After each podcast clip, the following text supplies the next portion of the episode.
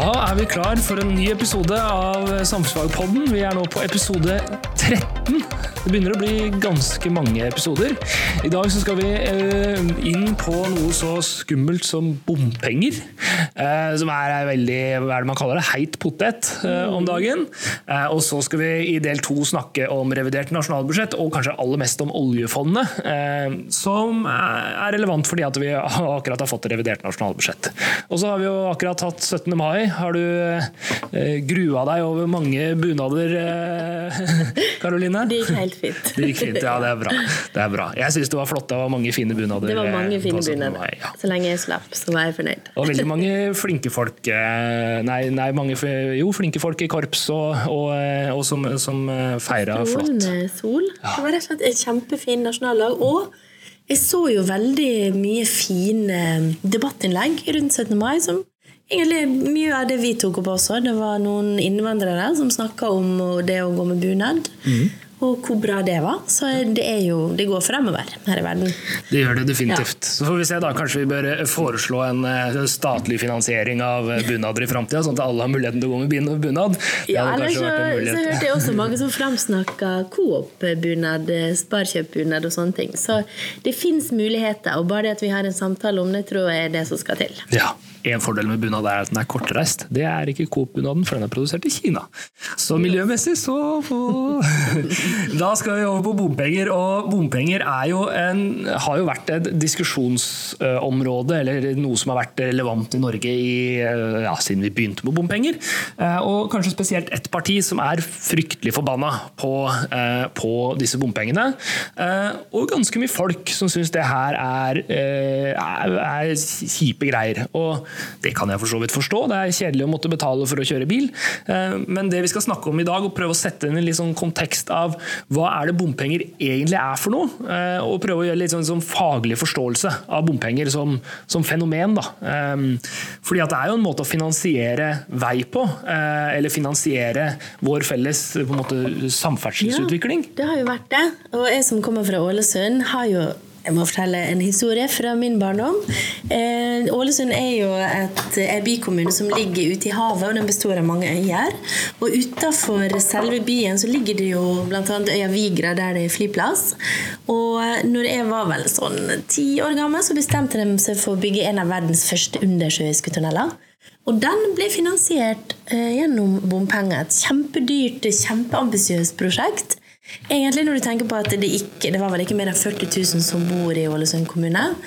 Eh, Men eh, det har jo selvfølgelig ført til at eh, folk i kommunen har mye lettere for å komme seg til tilbud sentralt og sånne ting. Og den ble akkurat ferdig finansiert, var det kanskje for ti år siden. Så det var mange år med å betale masse penger for å gå gjennom tunnelen.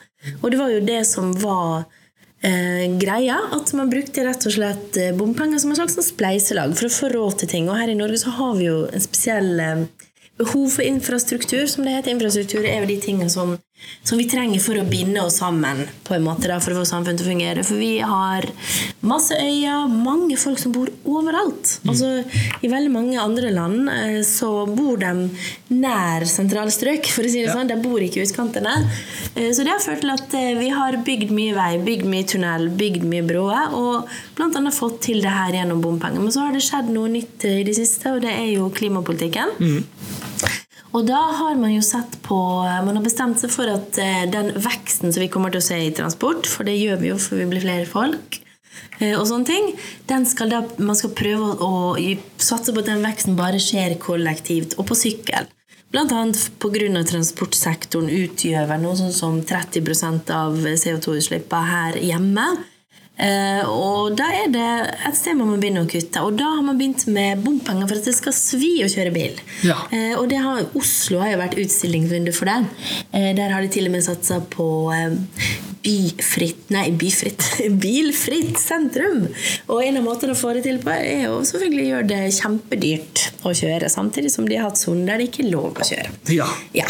Så her ser vi altså at vi har to typer bompenger. Eh, På den ene sida har vi bompenger som finansierer vei. og Nå er jo vi lærere på Kongsberg videregående, og da har vi et veiprosjekt som nå de er på vei til å ferdigstille, faktisk. Eh, Et prosjekt som har kosta flere milliarder kroner.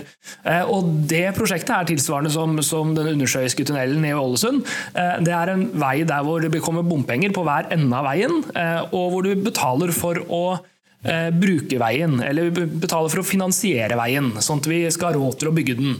Eh, mens i Oslo så har man da satt opp bommer eh, med mål om å redusere trafikken inn i byene, eh, og også gjøre det mer lønnsomt kan du si, å bruke kollektive løsninger. Um, jo, en del der nå kommer til å tenke på elbilveksten i Norge. For vi er jo det landet som vokser mest når det gjelder at nybiler er elbiler. Det kommer jo også pga. den politikken der, fordi at elbiler har sluppet å betale bompenger. Ja. Og Det er jo, det er jo av samme, samme grunn. Mm -hmm. Og så er jo spørsmålet nå, da, når vi nå ser, eh, ser at eh, en del, bl.a. vår naboby Drammen, og også på Jæren, altså i, i, området rundt Stavanger, så er man veldig sinte på disse, eh, disse bommene som skal komme. Og det er jo da i hovedsak bommer som skal finansiere såkalt byvekstavtaler. Eh, og Da er det et sett av forskjellige tiltak som skal gjøre at folk ikke bruker Eh, eh, bruke bilen sin inn til byen, men bruke kollektive løsninger. Um, og det er ikke noe særlig stas, for da kommer det altså, det blir bomringer, eller en bomring, altså en ring rundt byen, eh, som gjør at du ikke kommer deg inn i byen uten å måtte, eller kommer gjennom byen uten å måtte betale bompenger. Eh, og Da er det ikke så tydelig, da. For Når du da kjører inn i den undersjøiske tunnelen i Ålesund, så er det veldig tydelig at når du kjører da gjennom bommen, så kommer du inn i tunnelen. vi ser hva vi får for penger. Ja, ja, så Da er det som å gå i butikken. Du kjøper en appelsin, og så betaler du for appelsinen, så får du med deg appelsinen hjem. Mens byvekstavtalen er litt mer sånn eh, å kjøpe en sånn mystery box, da, kanskje. Eh, så Du kjøper en boks, og så betaler du for den, og så vet du ikke helt hva som er oppi den. Og, og da er det kanskje litt vanskeligere da, å, å betale for det. Um, og Det er den situasjonen vi står i nå. Det er vanskelig for, uh, for Rett og slett. Og det har jo ført, Vi skal jo snart ha kommunevalg til høsten, og det her kommer til å prege mange lokale valgkamper. Her i Kongsberg som vi sitter, så sa de jo nei til avtalen, så det blir ikke noe prat. I Drammen driver de jo og sier ja og nei og frem og tilbake, så der er det kampsak. I enkelte kommuner så har jo de danna egne bompengepartier, mm.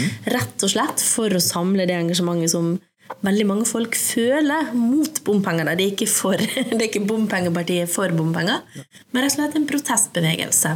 Og eh, vi har jo et revidert statsbudsjett nå, fordi at Frp er jo det partiet som du nevnte litt i begynnelsen, som er, er liksom prinsipielt imot eh, bompenger.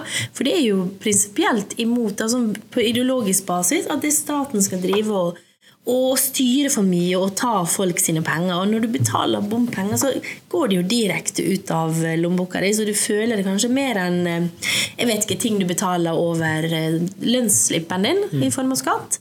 Så det er veldig sånn direkte Du føler det, det svir bokstavelig talt i lommeboka, og det er jo ja, noe som Frp er imot. Eh, så i det reviderte statsbudsjettet de har kommet ut med nå, så står det jo bl.a. at de skal kutte, rive ned noen bom noen bomstasjoner. Mm. Men eh, jeg var innom på Frp sin Facebook sammen med klassen min i forrige uke. Og det hagla det med sinte eks-Frp-velgere som sa nei, nå har dere sittet i regjering i åtte år, ikke det snart? Nei, hvor lenge er det nå? Ikke så lenge. De har sittet mm. i regjering i noen år. Seks, sju. Ja, for det er jo to år til neste stortingsperiode. Mm. Og eh, det er fortsatt bomstasjoner der jeg bor, og det har, vært, har vært en vekst, tror jeg faktisk, i bompenger. Ja, en stor vekst. Ja. Med Frp faktisk som finansminister, så deres velgere begynner kanskje å bli litt tynnslitte. Og det var flere som trua med, eller ikke trua, men sa at nei, nå stemmer vi på bompartiet istedenfor. Ja. Og så hva er argumentene som fremmes i debatten. Da. Det er jo litt interessant. og eh, For Frp sin del så er det jo, da var du inne på det, ikke sant? det ligger en sånn ideologisk greie med at staten ikke skal blande seg inn i det. Og så har de jo også tradisjonelt sett sagt at eh, er, samferdsel er så viktig i Norge at det kan vi finansiere større, med større grad av ved å bruke mer oljepenger enn det vi har gjort. Og så har vi jo sett et Frp som ser litt annerledes ut når de sitter i regjering, for, og det er jo flere grunner til. Den ene grunnen til at, eh, eller ene grunnen Siv Jensen kommer med, lederen av Frp, når hun får spørsmål om hvorfor har dere ikke redusert bompengebruken. Eh, og eh, Da argumenterer hun med at nei, men vi er bare ett av flere partier i regjeringa, og vi har 15% oppslutning eller noe der omkring i, i Stortinget. Det gjør at vi, vi, kan ikke styre det her, selv om vi sitter i regjering. Så det må på en måte De sitter jo i en flertalls... Nei, de sitter jo i en koalisjonsregjering med flere partier. Så ja. hadde Frp sittet alene i regjering, så hadde det nok blitt andre baller. Men sånn er det i Norge at de færreste partier kan det. Så de fleste regjeringene våre er jo sånne. sånne samarbeid. Og nå eh, har de jo Venstre med på laget, som er et miljøparti som eh, helt klart vil være eh, mot å rive ned bomstasjoner. Ja. Eh, Men det er en annen ting som jeg tenkte på, det har jo kanskje litt med lokaldemokrati å gjøre også. Vi ser jo ofte at det eh, det er jo kommunene som må ta initiativ til, de, til veldig mye bompenger. Altså det i form av bypakke har vært en løsning som har pågått de siste åra, der man kan velge å få en haug med penger som man kan bruke til å bygge ut sykkelveier og, og kollektivtransport, men prisen er at det, de må være med å finansiere det i kommunene ved å sette opp bomringer. Ja. Og det er så lite populært at det er veldig få parti på kommunenivå som tar tak i det. Og det handler ikke bare om Frp. Eh, Hvis du skal ta Kongsberg, da, så tror jeg eh, det var vel bortimot bare eh, Miljøpartiet og SV som ikke var fullstendig negative Mm. Kanskje til en stemme eh, fra Venstre og skriker helt Eh, riktig. ja, men, de eh, Venstre uansett, var litt er internt eh, uenige. Og det, det er I de fleste kommuner så Du blir veldig upopulær, og kommunepolitikken er jo veldig tett på folk. Mm. Eh, så, og, og ideologien Vi snakker om ideologien til Frp. altså Ideologien til la oss si SV eller um, Venstre da burde jo tilsi at den burde være for, men når du sitter der i en bykommune og folk får den politikken så rett i fleisen, så er ikke det så lett å stå for det. Nei, og så er det jo også her spørsmål om ja, hvordan er det man organiserer det her. Eh, Og er det sånn at, det er, eh, at du kan kjøre de samme systemene for en, en liten og en stor by? Altså Kongsberg er et eksempel på en relativt liten by, mens Oslo er et eksempel på en veldig stor by. Jeg har vært så heldig å bo i Oslo, og, og der, der er det en by som det er så mye folk at du kan ha femminutters avganger nesten uansett hvor du er i byen.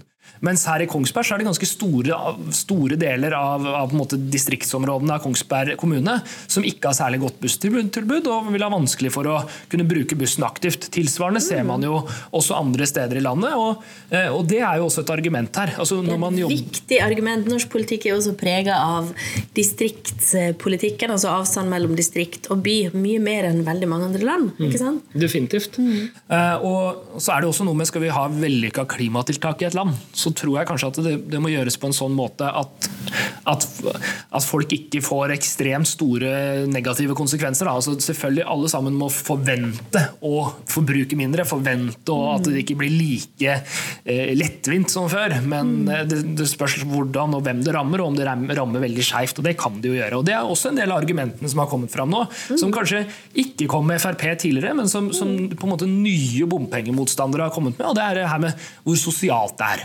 Eh, Og hvis det er sånn at du bor utafor, og gjerne så kan det også være sånn at de som bor litt utafor byen, er også de med noe dårligere økonomi, for det er mye dyrere å bo. mm. Er lavere. Mm. Og, og det, hvis du da må betale ekstra mye for å komme inn på jobb, eller den type ting, så er det ikke nødvendigvis sånn at du betaler eh, bompenger ut fra hvor mye bil du kjører. Eh, men eh, at du er uheldig av at det er en bomstasjon akkurat mellom deg og barnehagen til ungen, f.eks. Mm. og da er det spørsmålet hvor rettferdig er det her? Eh, og det er det mange som argumenterer med. At nei, men det her er ikke sosialt, som du sier. Det rammer eh, de som har dårligst økonomi, verst. Ja, det kan det man jo for så vidt forstå. Det kan man forstå, for det er jo en flat eh, beskatning, eller hva man skal si. Og hvis du må betale 50 kroner av en inntekt på 50 millioner, så merker man ikke det.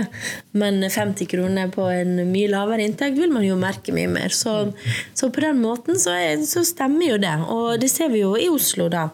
At eh, ja, veldig mange vil ha bilfritt sentrum, men man er bekymra for de som da ikke har råd til å kjøpe seg elbil. For det ser vi også med elbilene som kan suse gjennom bomringene. At sånn som Tesla er jo en bil for de rike, f.eks. Den har ikke du penger til på en liten inntekt. Men nå har jo det kommet elbiler som de fleste kan ha råd til, men det er ikke alle som har råd til ny bil. da. Så da må vi vente til de da må de vente til de skal, må skifte ut bilen til å få det. Så det er mange dimensjoner her. Og det er jo klart når du bor en time utafor en by, da, og det ikke går kollektivtransport, da kan ikke du la være å bruke bilen din. Nei, definitivt ikke. Så, så vi har en sammensatt diskusjon når det kommer til bompenger. Og, men det er viktig å huske på som vi sa i starten, at det er to forskjellige typer bompenger. Den ene som finansierer vei, og den andre som, eh, som da inngår i disse byvekstavtalene, som, som jo faktisk kom for å redusere bilbruk. Eh, Målet med byvekstavtalene er jo at eh, all vekst i mm, transport i Norge skal komme eh, på kollektiv og sykkel og gange. Ja, Så da må det jo erstattes. altså Da blir ikke du bare sittende der bak en en ring av at, eh, mest sannsynlig så får du da andre tilbud, eller du skal ha andre tilbud som gjør at du kommer deg på jobb. Ja. Men det kan jo ta tid, så det Vi får se. Det er interessante tider fremover. Og kommunevalget så vil nok det være en heit potet, som du sier. Og da er vi jo inne på penger, så vi snakker mye om penger i dag. Skal vi det? Jo.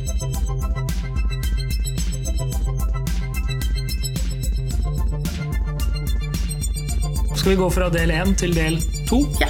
Fra bompenger til eh, revidert nasjonalbudsjett og oljepenger. Ja. Oljepenger. Eh, og hva er egentlig oljepenger for noe? Uh, det er jo noe vi har fordi at vi pumper opp olje i Norge. Uh, og det er jo der vi, vi har en en kjempefordel i Norge. Altså, vi har verdens største statlige sparefond. Altså, det vil si, vi er den staten i verden med størst sparegris. Eh, og det er ganske interessant. Eh, vi er jo et lite pottitland nord i Europa som har verdens største sparegris. Eh, Hvordan ble det sånn? det var jo fordi at vi fant olje på Ekofisk for ganske mange år siden, på 60-tallet. Eh, Og eh, vi ordna oss sånn da at eh, vi sørga for at en ganske stor andel av de oljeinntektene havner eh, til staten. Eh, Det vil si vi satt jeg tror det var 70 skatt. 70% skatt, det vil si at eh, Av vår inntekt så betaler vi kanskje et eller annet sted mellom eh, ja, 30-40. 30 kanskje. Mens eh, hvis du driver med, med, med, med, oljevirksomhet, og da snakker vi ikke om de som jobber i oljeindustrien, men vi snakker om de selskapene som pumper opp olja, da må de betale 70% av det de tjener på, til, til det er en måte å passe på at oljepengene fra oljefeltet i Norge går til det norske folk. For vi ser jo altså Norge er jo ikke det landet i verden som har mest olje, men det er den løsninga vi har da valgt med å nasjonalisere oljeressursene, som det heter.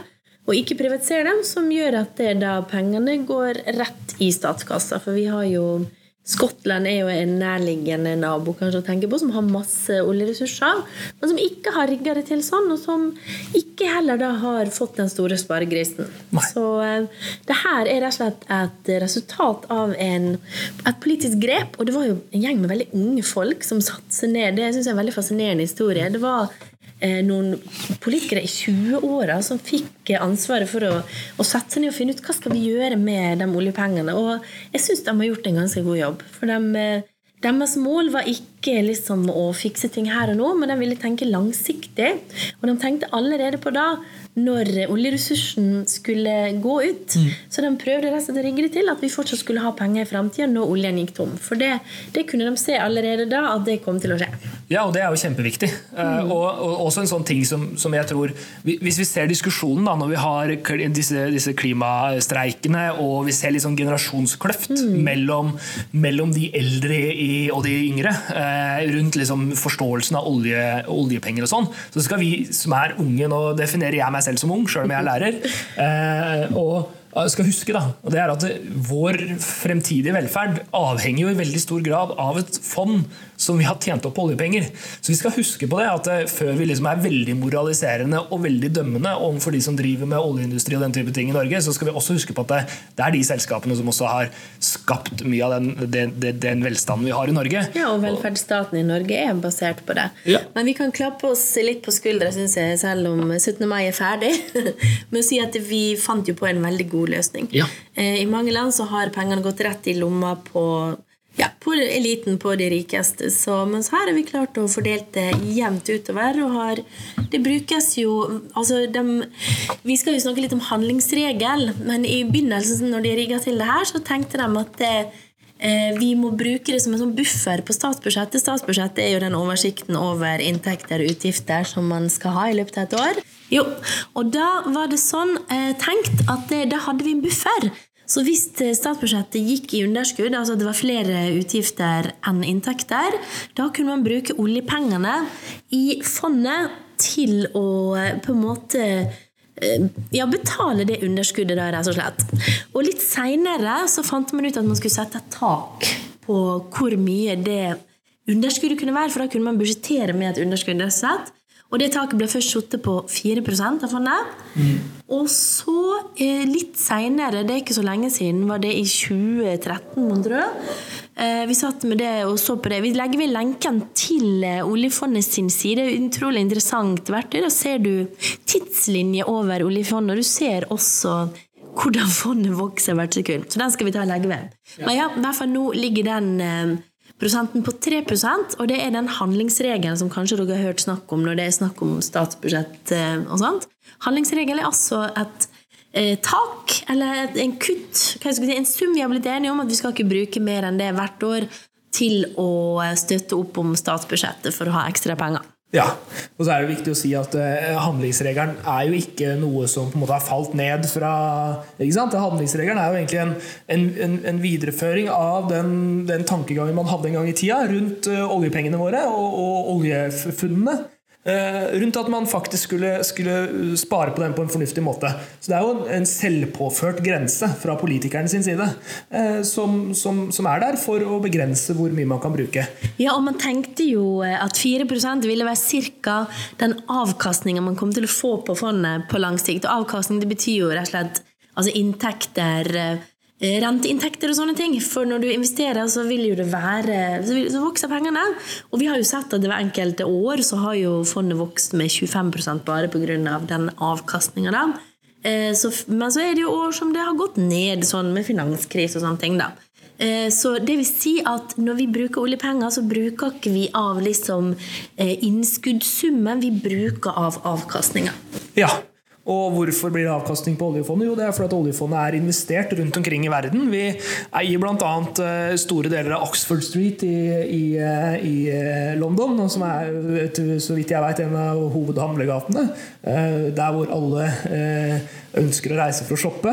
Ja, de største butikkene betaler husleie til det norske oljefondet, faktisk, og det er ikke små penger? Nei, det er ganske store penger. I tillegg så eier Norge, eller har investeringer i 9158 selskaper rundt omkring i verden, i 73 land. Eh, og det inkluderer bl.a. Facebook, Google, Microsoft. Uh, uh, og Nestlé. Og Nestlé er et gigantisk selskap. det ble jeg veldig overraska når jeg sjekket ut det, så jeg anbefaler dere å ta en tur inn på nettet og finne ut hva Nestlé driver med. Det er ikke bare, ikke bare Kinderegg og barnemat, det er stort sett alt som er. Ganske imponerende. Og det vil si at Norge altså da Når de selskapene her blir mer eller mindre verdt, så vil også oljefondet bli mer eller mindre verdt. Så når vi så for da Facebook var i den store skandalen rundt eh, privacy og sånn eh, her for litt siden, så gikk jo Facebook-aksjen ned. Da tapte også det norske oljefondet penger på Facebook-aksjen. Men så er det jo også sånn at Facebook siden 2006 har gått ganske kraftig opp i verdi også. Så når Norge kjøpte seg inn, det vet jo ikke jeg da akkurat når de kjøpte seg inn, men siden de kjøpte seg inn i 2010 eller 2012, eller noe sånt nå, så vil den aksjen ha blitt veldig mye mer verdt nå enn den var. Tilsvarende er det jo for Google og Microsoft, som helt sikkert også Apple, som har blitt mer og mer og mer verdt. Dvs. Si at Norge tjener mer og mer penger. Samtidig da, så er jo ikke det her en sånn onkel Skrue-binge som eh, vi har liggende i et eller annet svært fond eller svær sånn hvelv i Oslo, der hvor det ligger da 9000 milliarder kroner.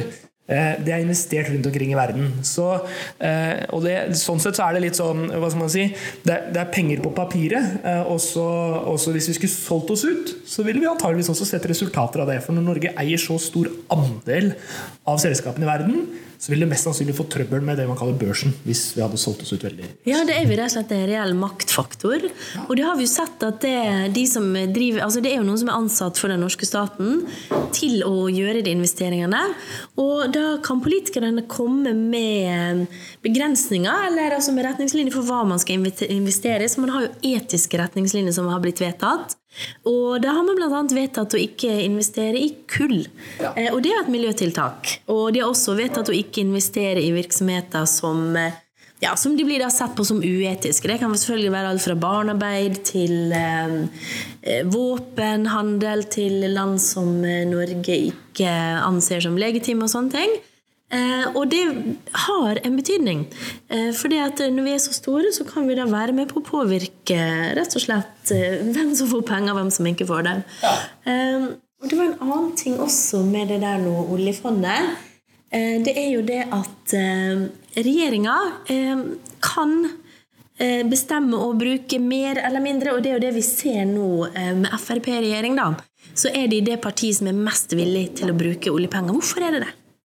Nei, det, det, er jo akkurat hvorfor. Det må jo ligge i en sånn ideologisk forståelse da, av at man, man, bør kunne bruke det for å investere. Og det er jo en forståelse av hvor, hvordan er det vi skal bruke pengene for å få mest mulig ut av dem. Og hvis man mener da at, eh, og dem som vi var inne på i del, eh, eller første delen, hvor vi snakka om bompenger, at de mener at eh, her er det samferdselstiltak som vil ha så mye å si for norsk økonomi at det er en fordel å bruke penger på å investere i det.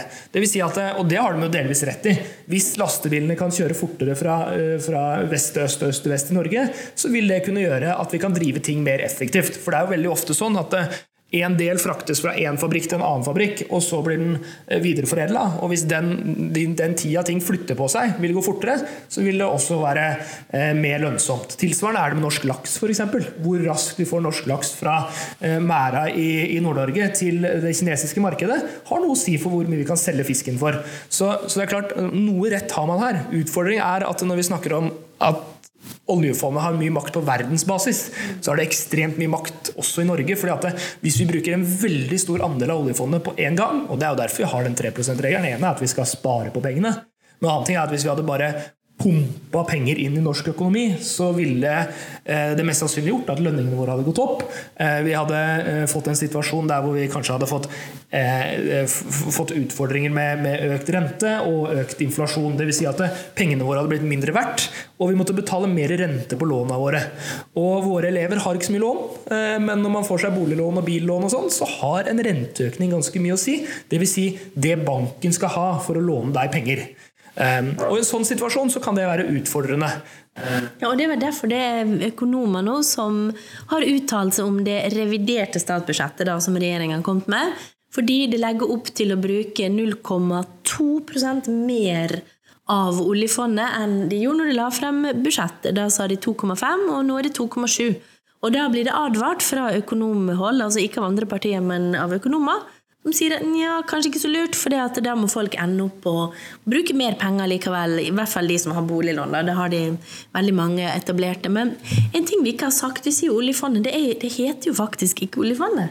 Hva heter det? Statens pensjonsfond utland. Og det er jo tilbake til disse unge, eh, fremadstormende politikerne som, som fant ut at ja, vi, trenger, vi å spare disse pengene. Så hva er det for å, for å dekke fremtidens pensjonsforpliktelser. Og Hvis man ser på statsbudsjettet, kakediagrammet over statsbudsjettet, så er en ganske stor andel av statsbudsjettet er pensjonsutbetalinger. Eh, eller betalinger som går gjennom Nav. Da.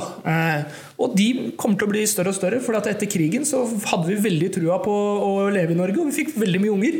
Eh, og det vil si at vi kommer til å få mange som blir pensjonister om ikke så altfor lenge, og det vil føre til økte utgifter. Ja, og da vil jeg bare som samfunnsfaglærer si det, og det pleier jeg alltid å si, for vi har jo noe som heter generasjonsregnskapet, som vi pleier å vise som viser liksom hvordan gjennom livsløpet Vi koster en haug med penger første året i livet vårt, fordi da utløser vi en sånn eh, foreldrepensjon. Og så har vi noen yrkesaktive liv der vi betaler mer enn vi koster. Og så kommer pensjonsalderen, der vi igjen er en stor kostnad. Og Da syns jeg det er så viktig å presisere at det er det mennesket vi snakker om, og at verdien til et menneske ikke kan oppsummeres i kroner og ører. For det kan fort bli litt sånn dehumaniserende når regjeringa snakker om f.eks. eldrebølgen. da. Vi har jo snakka om flyktningebølgen, at det er en stygg måte å omtale mennesker på. Da syns jeg nesten vi kan være litt sånn kritiske i forhold til det å omtale en haug med folk over 70 som en slags bølge som skal skille over oss. Men det blir brukt mye i norsk politikk. Ja, det tror jeg er fordi eh, politikerne ikke tenker over hva det faktisk eh, betyr. Altså hva det ordet bølge i den sammenhengen betyr.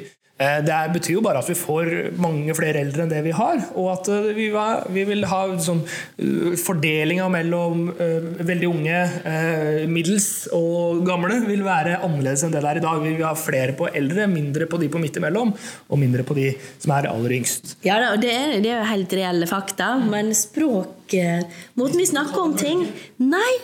Også, den måten vi snakker om ting, påvirker hvordan vi tenker om det på. Jeg tenker at det, ja, det vil være mange flere eller mange færre yrkesaktive per pensjonist. Det, det er det de omtaler som eldrebølgen. Helt klart.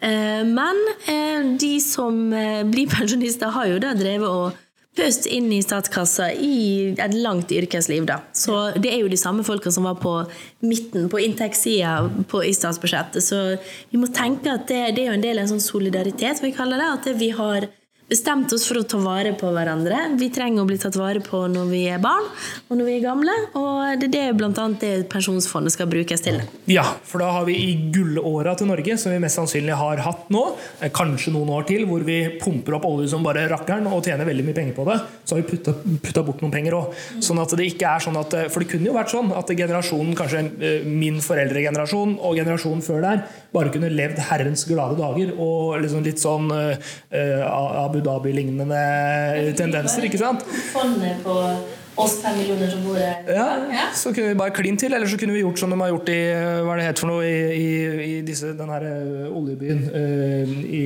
uh, Ja, sammen med det. I hvert fall, De har brukt alle oljepengene på å bygge en kjempeflott by midt i ørkenen. Vi kunne gjort det samme i Oslo. Tenk deg det. Altså bygd Ja, eller bare Istedenfor å bygge den lille operaen vi har gjort, så kunne vi bygd en gigantisk en. ikke sant? Så Vi kunne brukt oljepenger på den måten, da, men det har vi ikke gjort. Og det er en positiv ting. Og så tilbake til, Vi snakka om at oljefondet hadde gått ut av kull. og at det er maktfaktor der. Og det er en ting som liksom, ungdoms, ungdomsengasjementet kan fokusere på. I 2017 så foreslo Norges Bank at Norge skulle kvitte seg med oljeaksjene. Dvs. Si at ø, oljefondet skulle gå ut av olje. Tenk på det. Det er litt ironisk, men veldig interessant. fordi at det sier noe om ok, hvor er det vi investerer disse 9000 milliardene.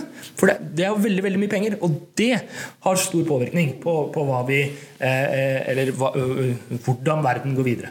Og, og et veldig tydelig signal. Så spørsmålet er da skal vi være eiere i Facebook, f.eks., som syns vi det er innafor? Måten dem driver sin måten dem tjener penger på? Syns vi det er greit å være med i Amazon? Der hvor vi vet at i store deler av Amazon sin, sin forretningsmodell så er det utnyttelse av arbeidsfolk rundt omkring i verden som, som ikke ville vært lov i Norge, måten det drives på, bl.a. i Storbritannia, hvor folk ikke har fast arbeid, men det blir liksom gjennom en sånn type Uber-app blir eh, kalt inn for å kjøre ut pakker. Eh, vil vi være en del av det? Er det greit? Så her er det faktisk ganske mye å engasjere seg i. Eh, i Oljefondet kan også være med på å forandre verden, eller være en lite lite verktøy til å påvirke verden i den retninga vi vil, eller? Ja, vi vil jo vi det. Gjøre, vi kan gjøre vårt. Vi kunne troa på at vi kan gjøre vårt. Ja, um, ja så da har vi Vi begynner å nærme oss slutten, tror jeg. Ja, jeg tenkte bare sånn for å peke fremover. Jeg syns alltid det er en god måte å slutte på. Så en av de tingene som revidert statsbudsjett eh, vil bruke penger på, det er jo å putte mer penger i et fond som heter Snøhvit. Og det er et fond for framtida, som handler om at eh, vi i Norge skal ha et sparefond fond, et investeringsfond som vi bruker for å investere i fornybar energi istedenfor olje. Så det er jo eh, godt anvendte penger. Definitivt, og det er viktig å huske på at når vi fant olje i Norge, så brukte staten så ganske mye penger på å leite etter olje og, og forsøke å, å, finne olje. Eh, og også utvikle oljeindustrien. Så det vil være ganske naturlig at hvis vi skal ha en grønn industri i Norge i framtida, så må vi også bruke noe penger på å eh, faktisk utvikle den grønne eh, industrien. Og det er vi jo godt på vei til. Det er mange av de store uh, firmaene som vi tidligere har drevet med olje, som, som nå eh, eh, satser en annen vei. Eh, og så har det vært mye diskusjon om f.eks. bytte av navn i Statoil til Equinor, men eh, en, et av argumentene til at de bytta navn, er jo nettopp for at det ikke skulle eh, være oljerelatert i navnet, fordi at de ønsker å se en annen retning. Så kan man sikkert diskutere hvor, hvor offensive Statoil eller Equinor er eh, i det store og det hele, men vi ser en dreining, og den dreininga må antageligvis bli enda krappere i framtida, skal vi klare å gå i riktig retning. Men da har oljefondet også noe å si. Ok, Til oppsummeringa. Første del snakka vi om bompenger. og vi har ikke kobla det sånn veldig tydelig til noen begreper, sånn sett, men alt handler jo egentlig litt om norsk økonomi her. Ja, og lokalpolitikk. Og kommunevalget som skal komme nå, det er vel en av eh, kampsakene. Og så har vi jo prøvd å snakke litt om hvilke parti som er for og hvilke som er imot, selv om på kommuneplanet så jeg tror det kan være litt sånn hipp og app som happ. Det er ganske mange. Og så har vi fått et nytt parti da, som er blitt danna pga. Eh, bompengene. Som er Bompengepartiet. Ja, og så i del to så har vi hygga oss med å snakke om oljefondet. En fantastisk historie. Eh, og eh, en arv eh, på en måte eh, den yngre generasjonen i Norge har fått, som er helt utrolig, egentlig. det var politisk håndverk som er genialt, kan vi si. Ja, vi si. Og, og, og, vi kunne satt en enda mer historisk perspektiv, for altså vannkrafta da på begynnelsen av 1900-tallet var en tilsvarende historie. Så, så det, men det, det, hører til historietimen, så det får dere høre med historielæreren om. Men eh, her kobla vi igjen til revidert nasjonal, nasjonalbudsjett, statsbudsjettet. Eh, og revidert, det har vi glemt å si hva revidert betyr. Det betyr at man har oppdatert, egentlig. Eller har sagt at eh, Oi, det ble visst ikke sånn allikevel. Ja. Vi Må, ja. Og det er jo sånn ofte at uh, man går til butikken og så finner man ut at oi søren, det ble litt annerledes enn det jeg hadde planlagt. Uh, man tok med den troikaen på vei ut. Den skulle jeg egentlig ikke tenkt å kjøpe. Sånn er det også for staten. Um, og, og, vi diskuterte raskt liksom, makta til oljefondet og hva som ligger i det. Um, og det er ganske mye makt. Og det handler jo om samfunnspåvirkning. og kanskje også at vi bør rette fokus mot oljefondets investeringer når vi skal være engasjerte i i miljø- og klimakampen også.